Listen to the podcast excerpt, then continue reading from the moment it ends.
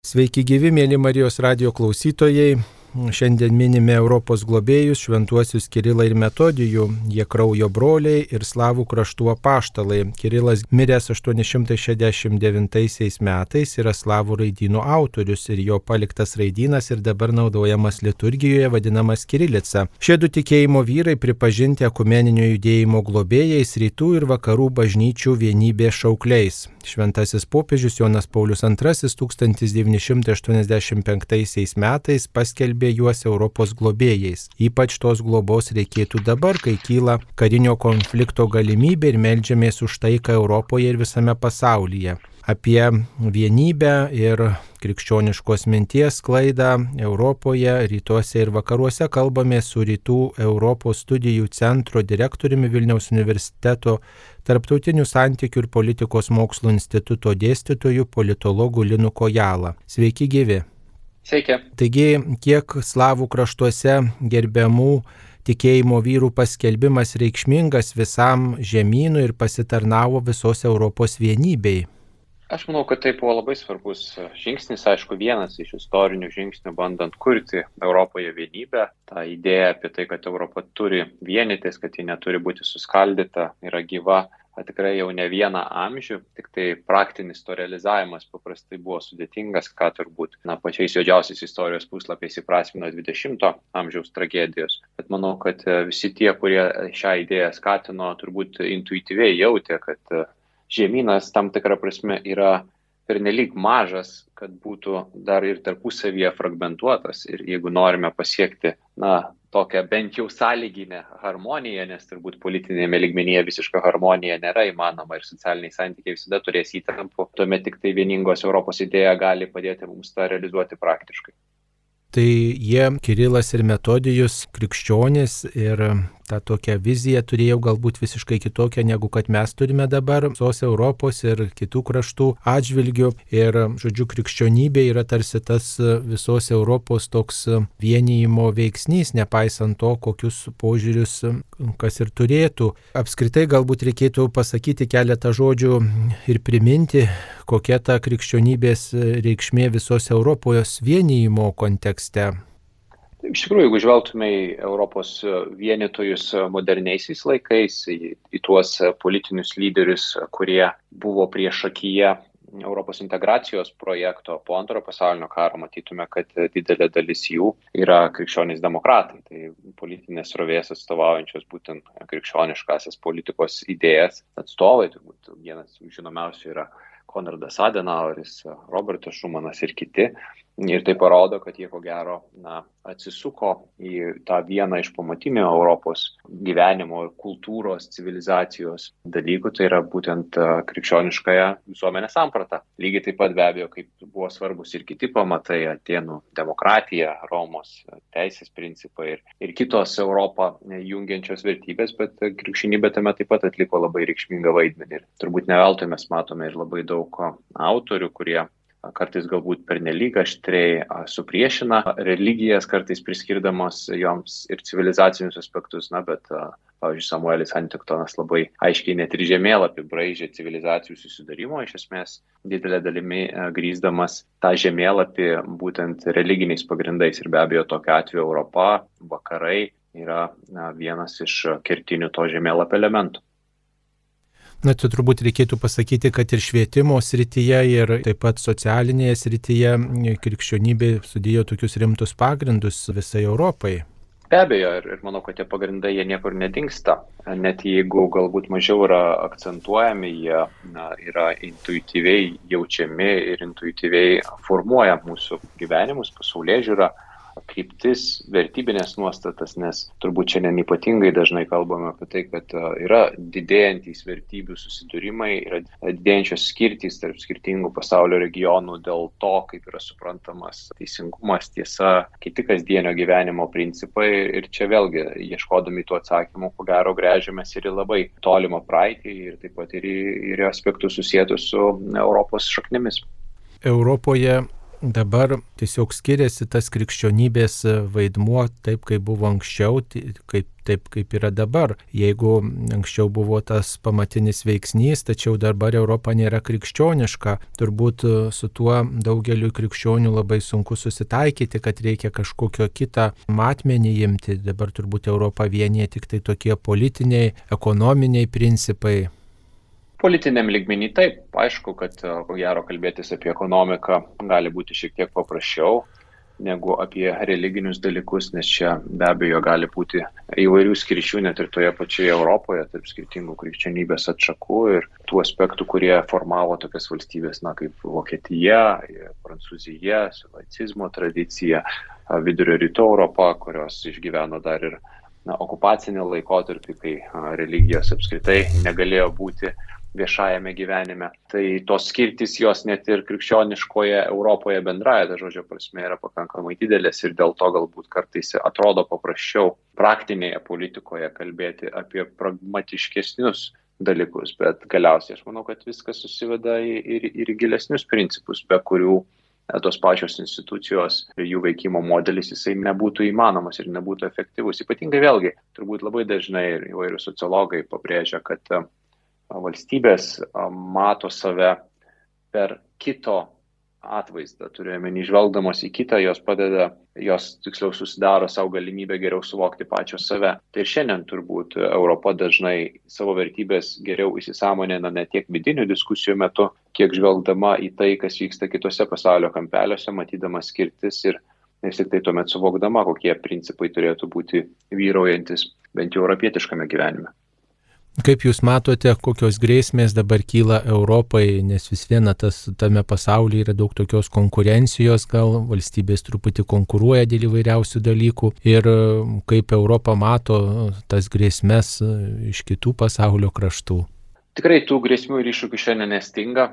Europa turbūt kartais jaučiasi šiek tiek apsupta ir na, susidurianti su įvairiomis pasaulio problemomis, kurios na, tarsi sueina visos Europos link. Jeigu kalbėtume su prancūzais ar italais, jie be abejo akcentuotų pirmiausiai problemą sėtiną su vidurio rytais, taip pat Šiaurės Afrikos regionu, kuris akivaizdu, kad per pastarąjį dešimtmetį na, nepajudėjo demokratijos link tiek, kiek galbūt buvo tikimasi po vadinamojo arabų pavasario judėjimo. Ir ten kylantis neramumai, tolesni, besitęsiantys pilietiniai karai, jie aišku iššaukia gausybę humanitarinių problemų, lygiai taip pat kaip skatina tokius veiksnius kaip migracija, kurią jau nekartą matėme kaip nemažą iššūkį ir Europos valstybėms, bandant atrasti geriausią įmanomą būdą, kaip užtikrinti žmonių galimybės pasiekti taikų ir stabilų regioną, bet to pačiu be abejo suprantant, kad e, iš šios e, krizės, iš šios problemos yra bandančių pralopti. Tai kartais vadinamų tiesiog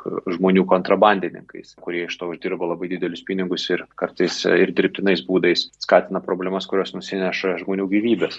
Aišku, iš rytinės pusės mes matome tikrai labai sudėtingą vaizdinį dėl galimai agresyvios Rusijos politikos. Na, galimai gal čia ir nėra tinkamas žodis, nes iš esmės turime karą, kuris Europoje tęsiasi aštuonerius metus, o dabar kalbame apie potencialiai labai didelę jos karinę eskalaciją. Tai ta skirtis tarp Ukrainos ir Rusijos, kuri beje turi ir religinį dėmenį, kaip žinome, Ukraina e, atsiskyrė nuo Rusijos ortodoksų bažnyčios prieš keletą metų ir tą padarė, ko gero, taip pat simbolizuodamos e, tą situaciją, kurioje agresyvi Rusija skatina tokias šalis kaip Ukraina bėgti nuo jos ir bėgti ne tik tai politinėme, ekonominėme ar kitame lygmenyje, bet taip pat ir susijęti tai su religiniu kontekstu. Na ir galiausiai toks trečias galbūt labai daug taip pat apimantis veiksnys yra apskritai vakarų šalių santykiai su Kinija. Matome, kad jie yra vis, vis aštresni, vis sudėtingesni, vis labiau yra matomos e, skirtys e, dėl to, kaip turėtų vykti prekybiniai santykiai, dėl to, kaip reikia suvokti žmogaus teisės, dėl to, kaip reikėtų traktuoti galiausiai net ir technologijų raidą, dėl to, kaip turi funkcionuoti politinės sistemos, nes žinome, kad Kinijoje ir toliau veikia viena komunistų partija. Ir tai gali būti na, vienas iš tokių pagrindinių veiksnių ir Europai, ir visam vakarų pasauliui, turbūt artimiausių ne keliarių metų, bet kelių dešimtmečių perspektyvoje, kai kam netgi jau dabar skubant teikti, kad tai kažko primena šaltąjį karą, nors dėl to, kad termino taikymo šiame kontekste tikrai konsensuso dar nėra. Šiek tiek užsiminėte apie karą ir apie tą karo grėsmę kitoms šalims, kurios dar, kaip sakant, paroko dūmų nei neužuodžia. Kas padėtų Europai išlaikyti taiką? Čia pastebim, kad štai tie pokalbiai su kai kurių valstybių vadovais, iš kurių grėsia, na, va, tie kariniai veiksmai tiesiog neduoda tam tik jokių vaisių. Tai gal tiesiog tos dėrybos, nu, jos neveda į taiką, gal reikia kažkokių kitų priemonių, kurios padėtų taiką palaikyti. Kol kas akivaizdaus kelio į taiką nėra, bet aš manau, kad dominuojanti nuostata yra ta, kad kol vyksta dėrybos, net jeigu jos ir net neša konkrečių rezultatų, tol tyli pabūklai. Ir tai yra bet kuriuo atveju geresnis scenarius negu kad visiškas nesikalbėjimas ir tokiu atveju dar labiau išauganti karinės eskalacijos rizika. Tad jeigu ir dėrybos kol kas nieko apčiuopimo mums nedavė, tai bent jau galbūt pristabdė karinės eskalacijos rutuliojimas. Nors vėlgi turbūt reikia konstatuoti ir tai, kad bent jau kol kas Rusijos telkiami kariniai daliniai aplink Ukrainą tik gausėja. Taip pat matome, kad Rusijos pajėgos atvyksta į Baltarusiją, į mūsų kaimininę valstybę, su kuria mes turime beveik 700 km sieną. Tad tikrai ta situacija geopolitinė prasme yra grėsminga. Ir Ir atsakas į, į tai yra vėlgi tuo pačiu na, ir labai sudėtingas, ir labai paprastas. Tai Europa turi būti vieninga, Europa turi vienytis šitos problemos kontekste, nes jeigu ji bus fragmentuota, tuomet tokios šalis kaip Rusija be abejo, naudodamasi principus kaldyk ir valdyk, įgyja pranašumą. Kai Europa yra vieninga, Europa žvelgia į šią situaciją iš vieningo požiūrio perspektyvos, tuomet Rusijai net ir labai agresyviais veiksmais padaryti neigiamą poveikį yra gerokai sudėtingiau. Taigi, ką galime pasakyti apie Europos kraštų bendradarbiavimo ir veiksmų tuos koordinavimo principus, ar tikrai yra pakankamas tas bendradarbiavimas, ar nėra taip, kad štai kiekvienas žiūri tik savo interesų, kaip kartais girdime, kad štai ūkio srityje, pavyzdžiui, ūkininkai skundžiasi, kad vienoms Europos šalims yra tokios sąlygos geresnės sudarytos, kitiems prastesnės, galbūt kai kurie kraštai net rimtai nežiūri į tą grėsmę iš rytų ateinančią karinę grėsmę grėsmę, bando gal ten dėrėtis, kalbėti su karo grėsmių konfliktų šalių šeimininkais. Kaip Jūs manote apie tą bendradarbiavimą Europos kraštuose? Na, iš dalies tam tikras susiskaldimas yra vienas iš demokratijos bruožų. Todėl, kad demokratija sudaro prielaidas atskiroms grupėms žmonių, vedamų ideologinių, vertybinių požiūrio motyvų, galbūt ir kitokių ekonominių, pavyzdžiui, interesų motyvų vienytis, burtis į grupės ir bandyti įgyti įtaką per politinių partijų veikimą, per kitų institucijų veikimą. Tai tam tikrą prasme visiška vienybė ir harmonija yra ko gero sunkiai įsivaizduotina bent jau demokratijos sąlygomis. Ta kabutėse harmonija gali sukurti tik tai autoritariniai ir totalitariniai režimai, kurie e, jėga pavergia visus visuomenės atstovus ir nesudaro jokių prielaidų joms išreikšti savo nuostatų. Bet aš manau, kad ypatingai kalbant apie saugumo situaciją nuo 2014 metų tikrai matėme ne vieną postumį į priekį. Tikrai negalim kalbėti, kad visos bėdos yra išspręstos, kad požiūris yra vieningas, kad tikrai nematome skirčių, bet manau, kad daug dalykų yra padaryta, kurie rodo, kad na, vis tik tai agresijos akivaizdoje net ir šalis, kurioms Rusija galėjo atrodyti na, nekelinti grėsmės, nesudaranti problemų, nesantis saugumo iššūkis. Dabar jos tą požiūrį tikrai yra gerokai pakeitusios. Ir mes matome tai ir veiksmuose. Aišku, galbūt galime diskutuoti, pavyzdžiui, ar ekonominės sankcijos, kurias taiko ES, yra pakankamos, ar jos paveikia Rusijos lyderius ir ko gero galutinis atsakymas būtų, kad tik tai iš dalies, bet tuo pačiu tas faktas, kad 27 ES valstybės yra sutarusios dėl sankcijų, nors kiekviena valstybė turi veto teisę, aš manau, kad įrodo, jog yra tam tikrų principų, kurių peržengimas suvienyje net ir 27 valstybės, 27 valstybių lyderius, 27 skirtingas politinės pasaulyje žiūras kryptis, geografinius, ekonominius, istorinius kontekstus. Ir tai nėra mažmožis. Aš manau, kad Rusija tikrai tą mato kaip labai negatyvų veiksnį, kurio ko gero dar prieš 2014 metus nesitikėjo kai kas bando Europą tapatinti su Sąjunga, bet tačiau tai nėra turbūt toksai teisingas požiūris, juk Europa nėra tik tai Sąjunga ir tai, kas, reiškia, Europos Sąjungoje svarstoma, nėra tai, na, būdinga visai Europai, ar ne taip? Tikrai taip, aš manau, kad Ukraina yra geriausia to iliustracija, juk turbūt niekam nekyla ne mažiausio bejonių, kad Ukraina yra Europos valstybė ir apie tai mes kalbame ir karo kontekste, sakydami, kad karas šiandien tebe vyksta, jau kaip ir minėjau, aštuonerius metus Europos žemynė, kuris buvo galbūt šiek tiek ir primiršęs parako kvapą ir, ir aišku, labai tuo džiaugiasi. Bet uh, tai, kad ES nėra Ukrainos, tai, kad ES nėra Moldovos, tai, kad ES nėra net ir tos pačios Baltarusijos, turbūt nedaro šių valstybių, kad ir kokios jos skirtingos būtų, kalbant ypatingai apie, aišku, diktatorinių Baltarusijos režimą, jų neeuropietiškomis. Ir ko gero jos taip pat norėtų būti ne tik tai Europos kaip žemynų dalis žemynų, kuris na, ne visada turi aiškės ribas, nes galbūt geografinę skirti tarp Europos ir Azijos mes galime sutarti, bet vis tik tai istorija rodo, kad ta riba jinai gali būti pirmiausia mentalinė ir kintanti. Tai tos valstybės taip pat, kurios dabar yra už Europos politinio projekto ribų,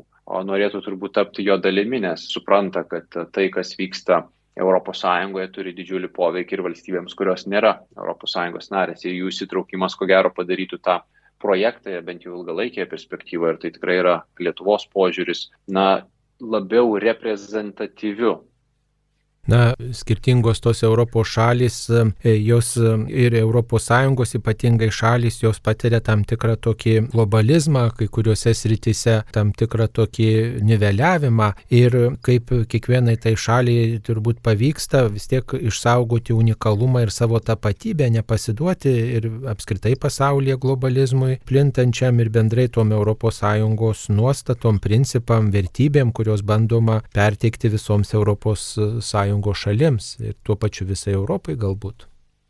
Aš e, prisimenu įdomią ir turbūt teisingą tezę iš rašytojo Umberto Eko, kuris sakė, kad Europos kalba yra vertimas. Ir jis turbūt iš dalies atspindi būtent tai, ką jūs ir minite. Mes galime kalbėti apie Europos bendrą politinį projektą, bet viena iš jo ašių yra skirtys ir įvairialypiškumas valstybių, kurį labai neblogai simbolizuoja, mano manimu, būtent kalbinis demonės. ES turbūt šiuo metu turime daugiau negu 20, apie 24 oficialias kalbas. Visos jos yra reikšmingos, visos jos svarbios, visos jos kalbamos ES, ES institucijoje, kurie, institucijose, kuriuose dirba be galo daug vertėjų tam, kad padarytų šį na, Babilono bokštą kiek įmanoma labiau gebančių susikalbėti tarpusavyje. Jo labiau, kad turbūt mes matome ir tai, kad pastaruoju metu globalizacija kaip tezė na, neišgyvena pačių geriausių laikų. Netgi priešingai yra sakoma, kad po to tarpsnio, kuriame globalizacija buvo na, atrodytų nesustabdomas procesas, mes turime situaciją, kurioje globalizacija žengia keletą žingsnių atgal ir yra šiek tiek pristabdyta. Ne tik pandemijos, bet ir turbūt kitų veiksnių susijusių su ekonominio vystimosi netolygumais, su nerimu žmonių, kurie tapo globalizacijos pralaimėtojais, su radikalesnių politinių jėgų, kurios iš dalies kritikuodamas globalizaciją sustiprėjo e, augimu ir panašiais veiksniais. Tai man atrodo, kad tai nėra toks vienpusiškas procesas ir jau kam kam, bet Europai turbūt būtų labai sunku tapti niveliuotai, bent jau demokratinėje sanklodoje.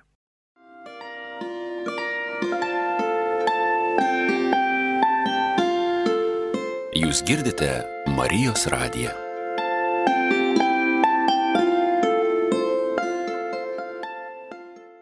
Europą tarp kitų žemynų ir tarp kitų kraštų vadinama senutė Europą, nes turbūt labiausiai iš visų kraštų e, susiduria su ta demografinė e, problema, su tuo iššūkiu, kad gyventojai senėja, nedaug jaunų žmonių. Ar apie tai Europos kraštai kažkaip susimastų, galvoja, skatina tą gimimo politiką, nes turbūt akivaizdu, kad Europa neliks tuščia, kad ateina tam tikra migracijos banga iš kitų kraštų, reikia darbo jėgos, ar ateina ta darbo jėga su savo kultūra, su savo tikėjimu, su savo požiūriu ir, ir nesiuošia priimti europietiškų nuostatų, principų, gyvenimo būdų, o kaip tik tai atneša savai. Tai ką apie tai galime pasakyti apie na, va, tą Europos senėjimą, ar šalis atkreipia į tai dėmesį ir sprendžia kažkaip tą iššūkį. Be abejo, atkreipia dėmesį, tai yra tokia viena iš ryškiausių tendencijų, apie kurią demografai kalba jau ne vienerius metus, sakydami, kad ateityje dėl to kils daugybę iššūkių, nes Europa viena vertus yra garsėjanti visame pasaulyje tuo, kad tikrai turi vadinamąjį gerovės valstybės modelį, didesnį ar mažesnį, bet jis Europos šalise yra įdėktas, kuris reiškia tuo, kad valstybė prisideda prie to, kad žmonės tapę seniorais galėtų jaustis, kiek tai yra įmanoma ramiais dėl savo pajamų ir be abejo, kad tą užtikrina kartų kaitos procesas, nes vyresniųjų, kurie traukiasi jau iš darbo rinkos vietas užima jaunesni ir jie kurdami pridėtinę vertę leidžia valstybei prisidėti prie vyresniųjų išlaikymo ir, na, oraus gyvenimo. Tai vienas iš kertinių turbūt gerovės valstybės principų ne vienerius ir ne vieną dešimtmetį jau ryškiai besireiškinčių Europoje, bet jeigu mes, kaip jūs ir sakote, matome tendenciją, kad Europos visuomenės senėja pagal e, vidutinį amžių, jeigu mes matome, kad ta tendencija kartais yra netgi pavadinama na, sidabrinė spalva, tarsi žvelgiant į kintančią plaukų spalvą skirtingose žmogaus gyvenimo etapuose, tuomet kyla klausimas, kaipgi šį iššūkį reikėtų spręsti, nes ateityje tai gali sudaryti prielaidų tos gerovės valstybės funkcionavimo iššūkiams. Nes tiesiog keičiasi santykis tarp tų žmonių, kurie yra darbinio amžiaus ir tų, kurie jau yra perkopę pensinį amžių. Ir čia, aišku, yra turbūt keli būdai. Dažniausiai svarstomi, kaip reikėtų šią problemą spręsti. Vienas iš jų be abejo skatinti gimstamumą, kuris turbūt tik tai galbūt keliose Europos valstybėse yra bent prieartėjęs prie tos ribos, kai vienai moteriai tenka bent 2,1 vienas vaiko, tai yra ta minimali riba, kuri yra reikalinga tam, kad bent jau išliktų toks pat gyventojų skaičius vertinant natūralią kaitą. Tai tokio rodiklio mes nematome beveik niekur Europoje ir beje ne tik tai Europoje, nes jis visame pasaulyje yra siejamas su ekonominio išsivystimo lygiu. Kuo yra aukštesnis ekonominio išsivystimo lygis, tuo paprastai gimstamumo rodikliai yra linkę mažėti. Tai priemonės, kurios yra taikomas tam, kad gimstamumas būtų skatinamas, kol kas panašu, kad nedavė tokių labai konkrečiai apčiopimų rezultatų, nes dažnai buvo nutaikytos į ekonominius veiksnius, kurie yra be galo svarbus, tai yra užtikrinant, kad šeimos turėtų galimybę auginant vaikus neiškristi iš darbo rinkos, turėti pajamas, turėti galimybę išlaikyti savo šeimos narius po šeimos pagausėjimo ir panašiai. Bet akivaizdu, kad vien ekonominis, finansinis aspektas nėra pagrindinis veiksnys. Ir kas jį galėtų pakeisti efektyviau, aš manau, kad tokio aiškaus atsakymo nėra. Kita išeitis be abejo yra imigracija, nes tai yra turbūt spartesnis būdas na, užtikrinti, kad yra daugiau darbingo amžiaus žmonių, kurie gali prisidėti prie bendros ekonominės gerovės kūrimo ir to tokio demografinio balanso išlaikymo. Bet čia, aišku, atsiranda kitų iššūkių - visuomenių tarpusavio integracija, atskirų bendruomenių negebėjimas integruotis, ką mes matome atskiriuose Europos valstybėse ir dėl to kylantis iššūkiai taip pat turbūt yra keliantis nerima. Tai vien tokios sidabrinės kulkos, kuri viską imtų ir išspręstų, tikrai nėra, bet šita problema yra konstatuojama turbūt kaip vienas ryškiausių ilgalaikių iššūkių. Na, bet čia toks labai įdomus paradoksas, sako, reiškia šeimos e, neturi daug vaikų, kadangi yra sunkios ekonominės sąlygos, bet priešingai tuose kraštuose, kur tos iš tiesų dar sunkesnės ekonominės sąlygos, tų vaikų yra labai daug. Tai kuo galima tai paaiškinti, įsilavinimo stoka ar tokių patogumo klausimų, kad žmonės, reiškia, kai jau labai patogu viskas, tai tada mažiausiai apie šeimą galvoja, apie vaikų skaičių ar, ar dar kuo kitu. Nesu šitos srities specialistas, tai turbūt pagristai negaliu atsakyti, bet galima turbūt manyti, kad nėra vienos ar, ar kelių priežasčių. Jų spektras yra turbūt gerokai platesnis ir dargi žinant tai, kad dabartinė situacija, turime į pandemiją, prideda papildomų abejonių dėl ateities, papildomo nerimo dėl to, kokia yra artimiausio laikotarpio perspektyva, ar mes galime tikėtis, kad pasaulis sugrįš į įprastas dėžės, ar mes ir toliau kamuosime su, na, saliginai nauju arba bent jau primirštų iššūkių, irgi verčia žmonės nerimauti ir galbūt susilaikyti nuo sprendimų, kurie jiems gali atrodyti tuo metu per dėm rizikingi per visą istoriją buvo tam tikros varžytuvės tarp rytų ir vakarų ir Europos kraštai, ypatingai, pavyzdžiui, mūsų kraštai, kuriuose mes gyvename su kaimynais, lieka tame konfliktų vidury. Ir e, kai tie konfliktai paštrėja, tiesiog tas Europos vidurys turbūt labiausiai nukenčia. Kokie sprendimai galimi, tiesiog, kad tų nuostolių būtų kuo mažiau, turbūt ypač mūsų šaliai išlikti tokiai neutraliai, nu, turbūt mažai tų šansų, ypatingai kai tie sprendimai kartais priimami tokie labai kontroversiški, tačiau vis tiek galbūt yra kažkokia, kažkokia išeitis, kad kuo mažiau nukentėtų Europą nuo tų, ypač tie vidurio Europos kraštai, nuo rytų ir vakarų konfliktų, tokių, kaip sakant, aštrių iečių.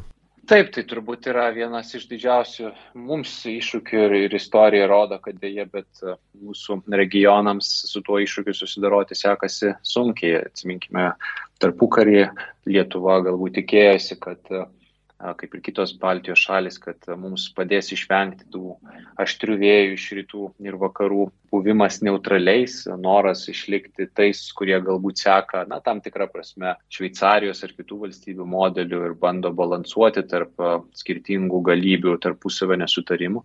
Bet akivaizdu, kad tas modelis, na, jis negalėjo būti tvarus, na, negali būti mūsų regiono šalis vien dėl turbūt geografinių priežasčių ir taip pat ir, manau, politinių vertybinių priežasčių neutralios. Tai manau, kad tas kelias, kurį Lietuva pasirinko po nepriklausomybės atkūrimo, tikrai kilstelėjo mūsų saugumo lygį bendraja to žodžio prasme į, visai e, kitą kokybinį lygmenį. Tiek narystė NATO organizacijoje, kurią Lietuvos gyventojai labai stipriai palaiko, tiek narystė Sąjungoje, kuri susadina mus prie bendro Europos politinio stalo, aš manau, kad yra kertiniai dalykai, kurie šiandien turbūt mums leidžia jaustis saugesniais, gerokai saugesniais, negu, pavyzdžiui, jaučiasi ukrainiečiai, kurie kadaise prieš kelis dešimtmečius pasirinko šiek tiek kitokią kryptį ir galbūt tikėjosi būti tuo tiltu tarp rytų ir vakarų. Na, tiltų jie netapo šiandien. Ukraina kraujuoja ir turbūt tik tai dar kartelį įrodo, kad na, neįmanoma tikėtis geranoriškumo iš valstybių, kurių valdymo principai dėje, bet kertasi su kertinėmis demokratinėmis vertybėmis. Tai dėl to turbūt ir Lietuvos tikslas ilgą laiką ir labai aiškiai reiškimas ir politinėme, ir pilietinės visuomenės lygmenyje yra tai, kad ta na, saugumo erdvė, ta, tas Europos politinis projektas, jisai plėstųsi, kad jis apimtų ir naujas valstybės, nes jų integracija, jų buvimas taip pat prie bendro stalo, jų nuomonės išklausimas, jų galiausiai kultūrinio konteksto įvertinimas, jisai galėtų padėti išplėsti tą saugumo erdvę šiek tiek plačiau ir tokiu atveju ir, ir Baltijos šalis, ko gero, jaustųsi gerokai saugiau. Na, bet mes matome, kaip į bet kokias intencijas Ukrainos, Moldovos ar kitų šalių žengti šiuo keliu žvelgia sistemos, kurios mato tai kaip iššūkį savo. Ir aš pirmiausiai be abejo kalbu apie Putino Rusiją. Jūs paminėjot, kad Europa gali būti tiltų tarp e, rytų ir vakarų. Vat Ukraina galbūt e, tokį siekį turėjo, bet e, net ir popiežius atvykęs į Lietuvą kalbėjo apie tą tilto galimybę ir mums tokią viziją siūlė. Ar iš tiesų įmanoma būti tuo tiltu, kai tos rytų ir vakarų sistemos tokios skirtingos ir kultūrinė, ir religinė prasme, ar įmanoma čia kažką suvienyti, kažką sutaikyti? Lūkestis yra ir turbūt jis visuomet ir bus, kad tai yra įmanoma. Na, nieko nėra neįmanoma. Aš manau, kad mes per pastarąjį šimtą metų pamatėme tokią Europos transformaciją, kurios turbūt žmonės gyvenę tarpu kariu ar juo labiau prieš pirmąjį pasaulinį karą na, nebūtų įsivaizdavę. Bet tuo pačiu turbūt konstatuojame, kad realybėje tą įgyvendinti tikrai yra sudėtinga. Deja, bet tikrai yra sudėtinga, todėl kad matymas tų skirčių ir jų praktinis pasireiškimas, jisai gali virsti net ir karinės jėgos naudojimu. Akivaizdu, kad pavyzdžiui, Vladimiro Putino sukurtoj politiniai sistemai Ukrainos noras būti nepriklausoma, demokratiška valstybė, kuri žengia vakarietiškos integracijos keliu, yra suvokiamas kaip grėsmė. Ne Rusijai kaip valstybei, bet pirmiausia Rusijoje egzistuojančiai šiuo metu politiniai sistemai, nes tokiu atveju turbūt Kremlius jaustųsi apsuptas demokratiškų šalių ir kiltų klausimas, kodėl pati Rusija nežengia šiuo keliu, kodėl Rusijoje matome vieną lyderį jau daugiau negu 20 metų, kuris tuo pačiu pakeisdamas konstituciją sudaro savo prielaidas išlikti šiame ar, ar kitose postuose dar dešimtmetį ir daugiau. Tai yra iššūkis pirmiausiai vėlgi ne pačiai Rusijai kaip šaliai, bet Putino sistemai ir akivaizdu, kad jinai ginasi visais įmanomais būdais, įskaitant ir karo ginklų žvanginimą, ką dabar matome ir kas turbūt tikrai kelia labai labai didelį nerimą mums visiems. Dar turbūt yra toks vienas e, apsunkinimas tam dialogui, to dialogo plėtotėjai, tai yra istorinių nuoskaudų tam tikras prisiminimas ir tų istorinių įvykių toks skirtingas traktavimas. Turime galvoje ir okupaciją, ir apskritai požiūrį į, nu, į daugelį tokių istorinių dalykų, kurie, dėl kurių, reiškia, nu, vieni ar kiti kraštai yra nukentėję, ir mūsų šalis yra nukentėję, ir nuo kaimynų, ir nuo tos pačios Rusijos, ir skirtingai tai yra traktuojama. Turbūt ir čia čia nu, va, tas dialogo apsunkinimas yra. Be abejo, tikrai taip. Ir, ir čia ne tik tai kalbant apie santykių su Rusija, bet ir toje pačioje Europos Sąjungoje dėl jau mūsų aptartų Europos atskirų regionų vystimosi skirtumų, mes matome tam tikrų skirčių. Na, pavyzdžiui, komunistiniai totalitariniai nusikaltimai ir nacistiniai totalitariniai nusikaltimai. Daugelis vidurio rytų Europoje pabrėžia, kad jie buvo labai panašus savo na, brutalumu, savo kesinimusi į žmonių gerovę, į žmonių gyvybės, į žmonių grupių skaldimu ir bandymu išnaudoti tai siekiant politinių tikslų.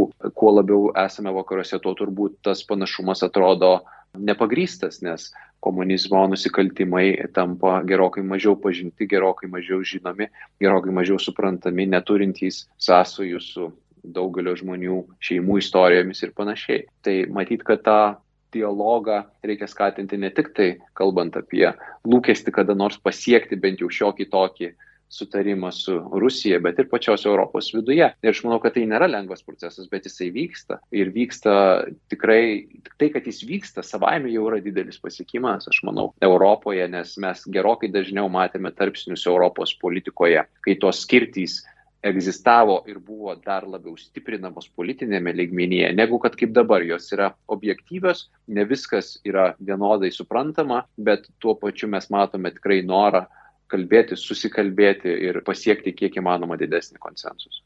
Dar kalbant apie tą susikalbėjimą ir bendradarbiavimą, teko skaityti ypač iš tų dvasingumo tyrinėtojų, pavyzdžiui, Tomas Špidlik yra rašęs, kad tas dialogas tarp skirtingų kultūrų prasideda ne nuo tų teorijų lyginimo, gretinimo, bet nuo tokių tarp asmeninių santykių palaikymo, kada ieškoma ne priešų, bet palaikome tokia bičiulystė, draugiški santykiai, bandoma užmėgsti tą asmenišką santykį ir su lyderiais, ir bendradarbiavimą bendradarbiauti, tiesiog kalbėti, susitikti. Galbūt apie tai diplomatijoje mažai svarstoma ir, ir dėl to gal ir yra tie konfliktai, kad bandoma, reiškia, žiūrėti kitą kaip į žemesnį arba kaip į potencialų priešą, bet galbūt įmanomas kažkoks dialogas ir, ir toks nubroliškas susitikimas net ir tarptų politinių lyderių, ar čia tiesiog yra tokia, kaip sakyti, iliuzija, kad tais įmanoma to reikia siekti nebejotina ir, ir jūs labai teisingai minėjote, kad turbūt e, įvairias skirtis, įvairias problemas tikrai gali padėti išspręsti paprasčiausias kalbėjimasis. Ir galima paminėti turbūt keletą pavyzdžių, kartais net ir šiandien, kai į Lietuvą atvyksta žmonės iš vakarų Europos, iš pietų Europos, iš saliginai toli esančių ES valstybių, jie šiek tiek nustemba pamatę, kokia yra Lietuva, nes turbūt jų įsivaizdavimas, toks stereotipinis vidurio rytų Europos matymas gerokai skiriasi nuo, nuo realybės. Ir, ir skirtumas yra ta prasme, kad mitai dažniausiai būna gerokai kritiškesni mūsų atžvilgių negu kad realybė, kuri tikrai nuteikia labai maloniai mūsų svečius ir tas užmėgstas ryšys, nebūtinai tarp politinių lyderių, bet ir tarp akademikų, tarp mokslininkų, tarp pilietinės visuomenės aktyvistų, tarp nevyriausybinio organizacijų atstovų, tarp tikinčiųjų, tarp bet kurių grupių, aš manau, kad jis sukuria labai tvarius ryšius, kurių ne, nebūtinai kartais mes matome net ir pačiame aukščiausiame lygmenyje, net tarp ES valstybių, kurios galbūt yra labiau nutolusios viena nuo kitos ir tiesiog turi mažiau tiesioginių tarpusavio interesų.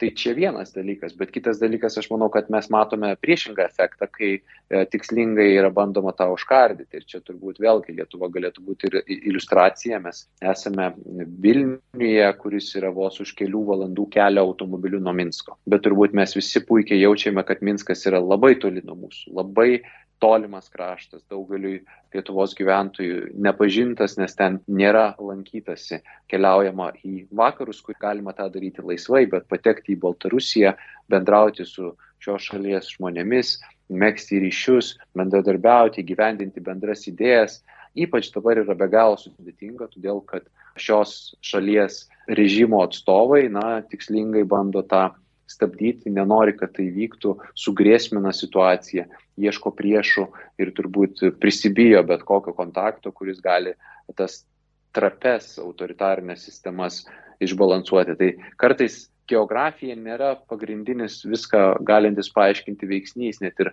labai arti esantys miestai ar labai netoli vienas nuo kito gyvenantys žmonės gali būti atskirti na, tokia didelė, kartais tiesiog mentalinė sieną ar politinę sieną, kuri tuos ryšius nutraukia ir perspektyvas padaro gerokai niuresnės.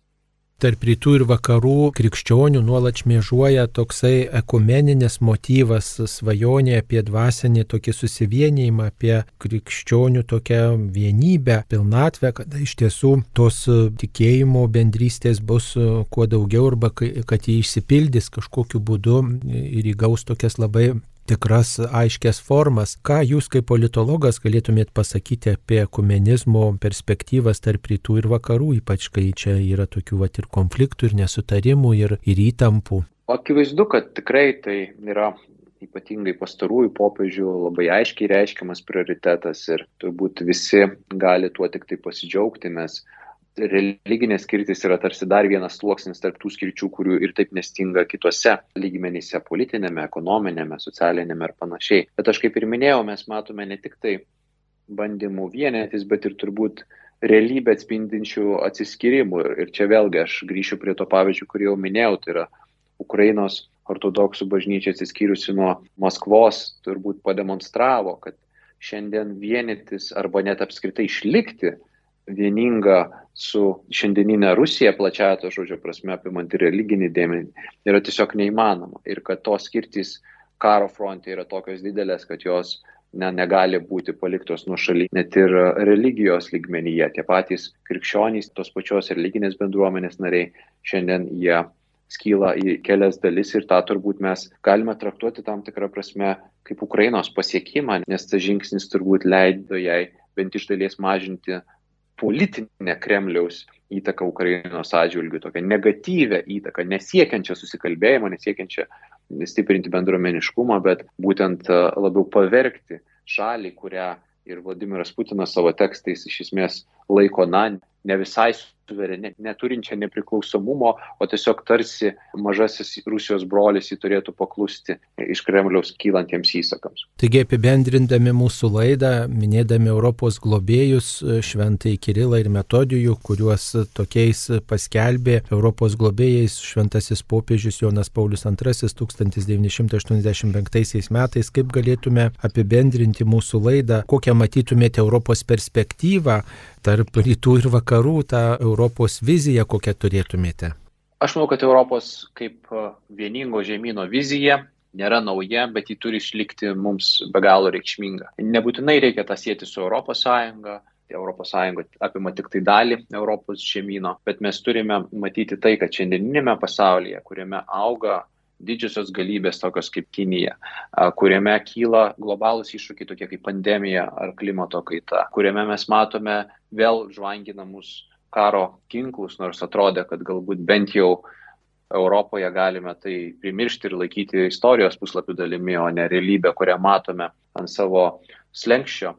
Tai turėtų mus skatinti nepamiršti tos vienybės idėjų ir tuo pačiu galbūt padėti atsirasti politikoje ypatingai lyderiams, vizionieriams, kurie nebijotų tų vizijų bandyti paversti ir politinę praktiką. Nes tikrai daug matėme pastaraisiais dešimtmečiais politinių lyderių, kurie galėtų būti pavadintini technokratiškais. Tai yra, na, sprendžiančiais tos dienos problemas, ieškančiais atsakymų į tai dienai aktualius klausimus, bet nebrėžiančiais ilgalaikio laikotarpio vizijos. Bet aš manau, kad ir Europos integracijos projektas po antrojo pasaulinio karo ir daugybė kitų mums šiandien reikšmingų pasiekimų, jie nebūtų realizuoti praktiškai, neturint vizijos peržengiančios tos dienos rūpešių ribas. Tai ilgalaikėje perspektyvoje aš manau, kad to vizionieriškumo subalansuoto be abejo su racionalumu mums tikrai reikia. Taigi, mėly Marijos radio klausytojai, šioje laidoje, minėdami šventuosius Kirilą ir Metodijų, kalbėjomės apie Europą, nes šie šventieji yra Europos globėjai, kalbėjomės apie tokį iššūkį, kurį na, vat, Europos buvimas, geografija ir ta politinė situacija kelia ir leidžia patirti tarp rytų ir vakarų. Tegul kiekvienas, kuris gyvena Europoje ir tikrai nepamiršta savo istorinių šaknų ir ypač mes krikščionys esam kviečiami melstis už taiką visoje Europoje ir tiesti tiltus į šitai kvietė ir popiežius Pranciškus, kai svečiavosi Lietuvoje kaip piligrimas. Šioje laidoje kalbėjomės su Rytų Europos studijų centro direktoriumi Vilniaus universiteto tarptautinių santykių ir politikos mokslo instituto dėstytoju politologu Linu Kojalai. Kalbino aš kunigas Saulis Bužauskas visiems linkiu taikos Europoje ir visame pasaulyje. Taip pat nepamiršti bendradarbiavimo nuotaikos. Ačiū, sudė.